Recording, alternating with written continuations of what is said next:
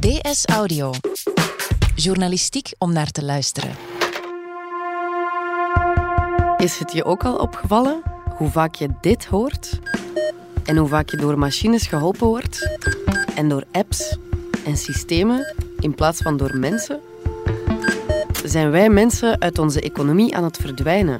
En wordt het niet vreselijk eenzaam dan? Mijn naam is Lise Bonduel. Het is donderdag 24 oktober. Van op de redactie van De Standaard is dit DS Audio.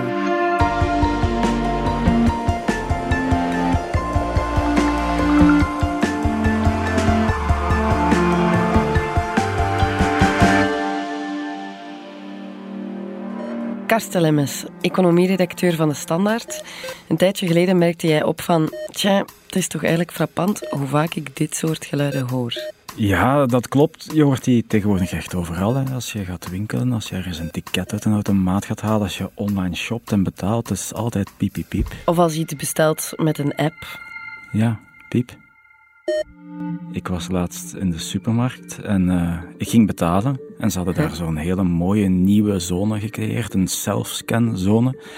Je gaat er dan naartoe, je kan dan zelf je uh, producten scannen, betalen. Je krijgt dan een barcode waarmee je zo'n poortje kan openen. En je wandelt buiten en ik stond buiten met mijn brood en speculoospasta en ik dacht, ik heb niemand gesproken. Je hebt dat bijvoorbeeld ook uh, in station als je een ticket koopt of uh, ja, voor de trein. Ja. Dat, je, dat je ook het gevoel hebt van. Mm. Ja, inderdaad. Je hoeft echt niet meer met mensen te praten. Je kan hier in deze wereld rondlopen en het gevoel hebben dat je in een computerspel zit. Zo lijkt ja, het wel. Ja, exact. En toen je in de supermarkt stond, dacht je: ik moet hierover schrijven. Over hoe het menselijke uit onze economie verdwijnt en eigenlijk vervangen wordt door technologie. Nu zit ik hier nog, maar voor je het weet word ik ook gewoon een machine die vragen stelt. Een soort van Lise, de podcastrobot. 24 uur op 24 standby, geen nood aan vakantie, nooit verkouden of slechtgezind. Ja, klopt. Want als het gaat over automatisering, dan denken wij altijd aan fabrieken en robots die daar uh, auto's in elkaar schroeven en dergelijke. Maar eigenlijk gebeurt dat op veel meer domeinen. Als we naar de supermarkt gaan, is daar een mooi voorbeeld van. Maar check maar eens in, in een hotel tegenwoordig, receptionistes, zie je ook al maar minder. Daar ligt vaak een tablet waarop je zelf moet inchecken. Ja. En als je gaat eten in een fastfoodrestaurant, dan moet je tegenwoordig bestellen op van die self-service zuilen, waar je dan aangeeft wat je wil. En meer dan alsjeblieft krijg je niet wanneer je plateau op tafel wordt gezet. Dus er zijn al maar meer domeinen waarin de mens meer en meer verdwijnt. Je ziet dat ook in andere gebieden, zoals bij de juristen en bij de boekhouders. Denk maar aan boekhoudsystemen die automatisch belastingaangifte invullen en zo. En dan denk je terug aan lang vervlogen tijden. Tijden wanneer ik er nog niet was, denk ik, toen koffiedames koffie rondbrachten. Vandaag gaan wij naar een espresso-automaat, duwen er een capsule in en duwen op het knopje en daar is de koffie. Klopt. Dus je ziet dat de mens steeds meer verdwijnt en uh, dat zie je in extreme vormen op sommige plaatsen. Natuurlijk in de States, want daar is alles nogal extreem. En ik was vorig jaar in Seattle en daar had Amazon net Amazon Go geopend. En dat is een winkel zonder kassa's. Hmm. Die was net een weekje open, dus ik dacht daar gaan we heen. Um, en het idee daar is, je wandelt binnen, je meldt je aan met een app bij de ingang, je Ja. pakt wat je wil en je wandelt gewoon weer buiten. En dat is al wat je moet doen. En de rekening, ja, dat gebeurt automatisch via je bankrekening. Het is eigenlijk de turbo-versie van de self-scan. Was dat eigenlijk bevreemdend voor jou? Gewoon bevreemdend. Het viel nog wel mee, omdat daar eigenlijk best nog wel wat volk rondliep. Er was eigenlijk behoorlijk veel personeel dat daar rekken aan het vullen was, bijvoorbeeld. Dus het is niet dat je daar niemand zag.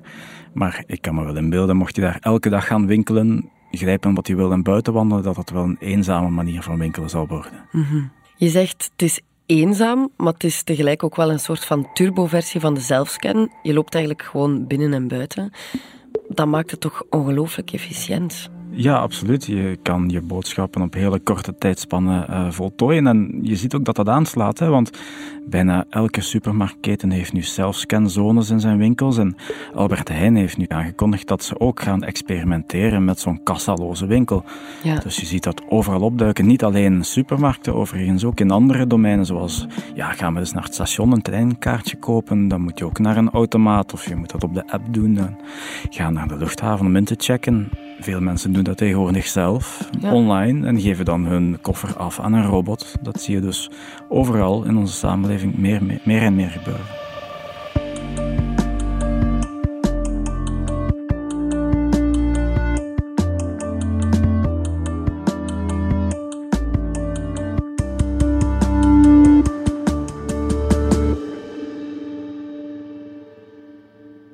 Je ziet dat er meer en meer mensen vervangen worden door zelfscans, automaten, robots, algoritmes.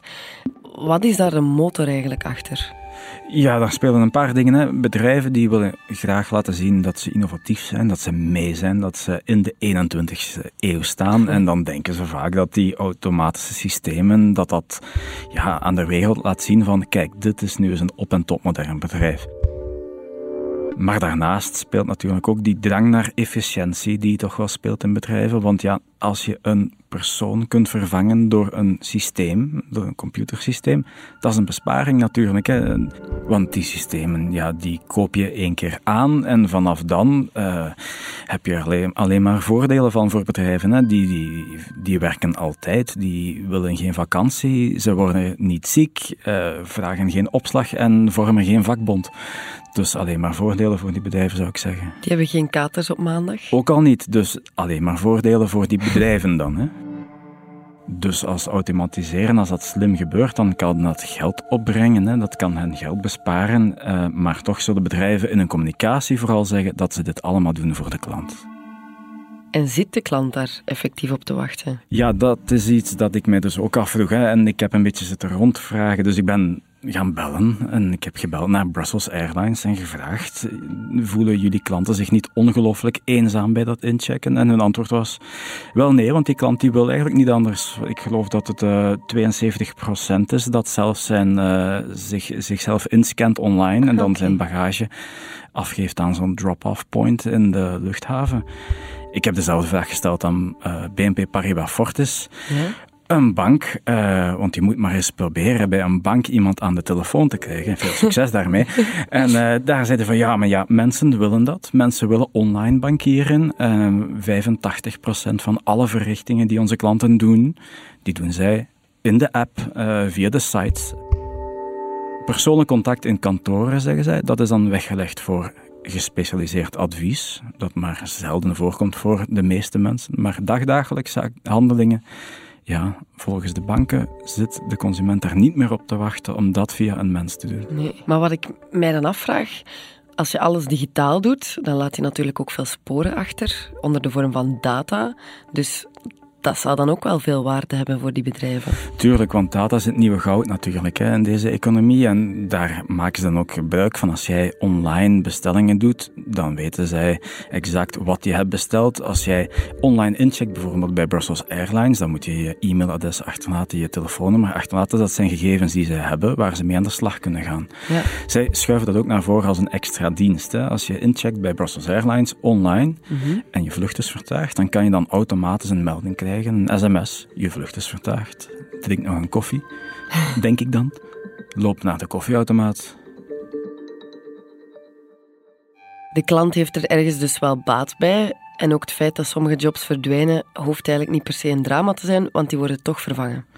Ja, dat is toch wat bedrijven beweren. Hè. Zij zeggen de mensen die vrijkomen, doordat die taken niet meer door die mensen moeten worden gedaan, die kunnen we elders inzetten uh, op andere posten die de klantenervaring dan natuurlijk ook verbeteren, zoals dat dan heet. Maar er zijn zelfs experts die nog een stapje verder gaan en die zeggen van dit is eigenlijk zelfs een hele goede zaak, zoals Rogier de Lange, dat is een economiefilosoof aan de Universiteit Gent. Ik belde hem en hij zei eigenlijk die jobs die hiermee verdwijnen zijn zodanig afstompende jobs. Als er jobs zijn die ontmenselijkt zijn, dan zijn het wel die routinejobs. En het is eigenlijk goed voor de maatschappij dat we daar vanaf zijn dat die mensen zinnigere dingen kunnen gaan doen. is een beetje een bouwde stelling, maar hij beweerde dat we er allemaal beter van zouden worden. Hij maakte de vergelijking met een receptioniste in een hotel. Hij zei ja, die zitten daar een standaard gesprekjes te voeren met, met klanten, met uh, reizigers die hen niet interesseren. Wat heb je aan dat contact? Als je dan kijkt naar Airbnb, de disruptor van de hotelsector, dan heb je contact met iemand dat heel persoonlijk verloopt. Een echt gesprek met een mens van vlees en bloed. Ja. En dat is veel waardevoller, is zijn stelling. Dan zo'n steriel gesprek. Je zou dus kunnen hopen dat de digitalisering net zal leiden tot een meer menselijke economie. Ja, het zou wel eens kunnen. Ja, dat is in elk geval wat de optimisten daarover zeggen. Ja. Karsten, als ik het zo hoor, lijkt het vooral een win-win situatie. De bedrijven worden efficiënter, de consument wordt sneller bediend. Maar uh, dreigen we dan toch niks te verliezen? Zoals het basic contact met de kassierster? Ja, die vraag stel je dan. Hè. Wat gaat er verloren bij deze hele digitalisering? En er zijn mensen die daar wel voor waarschuwen. Ik belde met uh, Ben Codron, en dat is een uh, technologie-socioloog. Mhm. En die zei, ja, vroeger gingen mensen uh, meermaals per week inkopen doen. Ze deden dat bij de slager, bij de bakker. En dat waren mensen die je kende, die, die je gezicht kende, waar je een babbeltje mee, uh, mee maakte. En dat contact gaat weg. En dat is toch wel ja, iets om je vragen bij te stellen of dat wel zo goed is. Ja. Want mensen zijn sociale dieren. Ja, klopt. klopt. We willen toch graag spreken met iemand. Ik kan me best inbeelden als je de hele dag tegen niemand praat en gaat dan naar een winkel, dat het wel een opluchting kan zijn dat je eindelijk eens iets tegen iemand kan zeggen. Dus er is wel een gevaar dat we heel eenzaam kunnen worden tussen al die apps en al die systemen.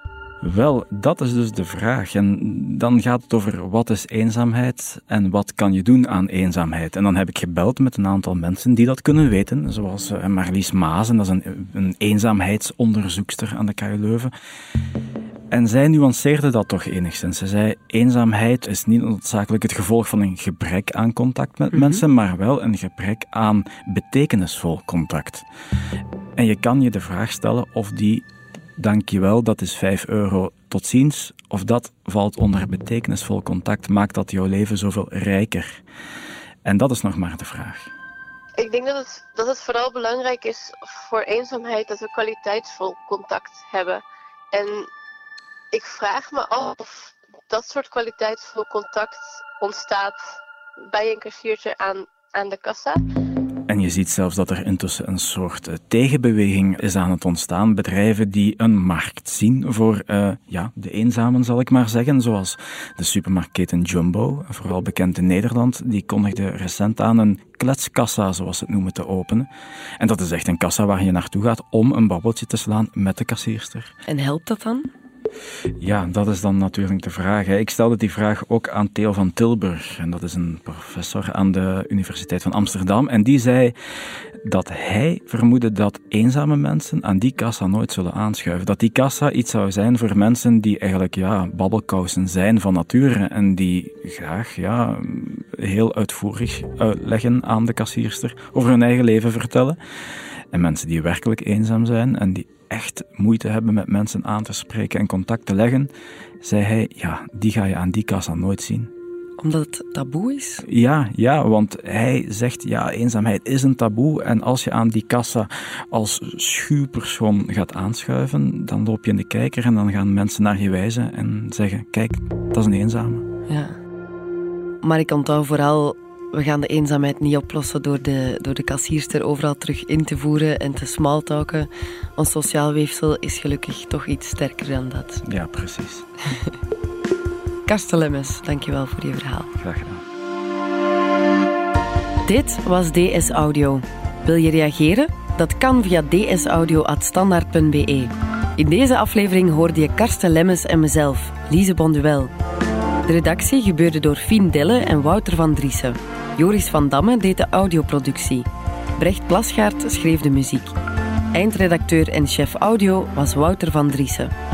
Vond je deze podcast interessant? Weet dan dat je er elke werkdag één kunt beluisteren. Dat kan via de DS Nieuws app of via standaard.be-audio. Je kunt je ook abonneren via iTunes, Spotify of de podcast app van je keuze. En als je daar dan toch bent, schrijf gerust een review. Zo toon je ook anderen de weg. Morgen zijn we er opnieuw.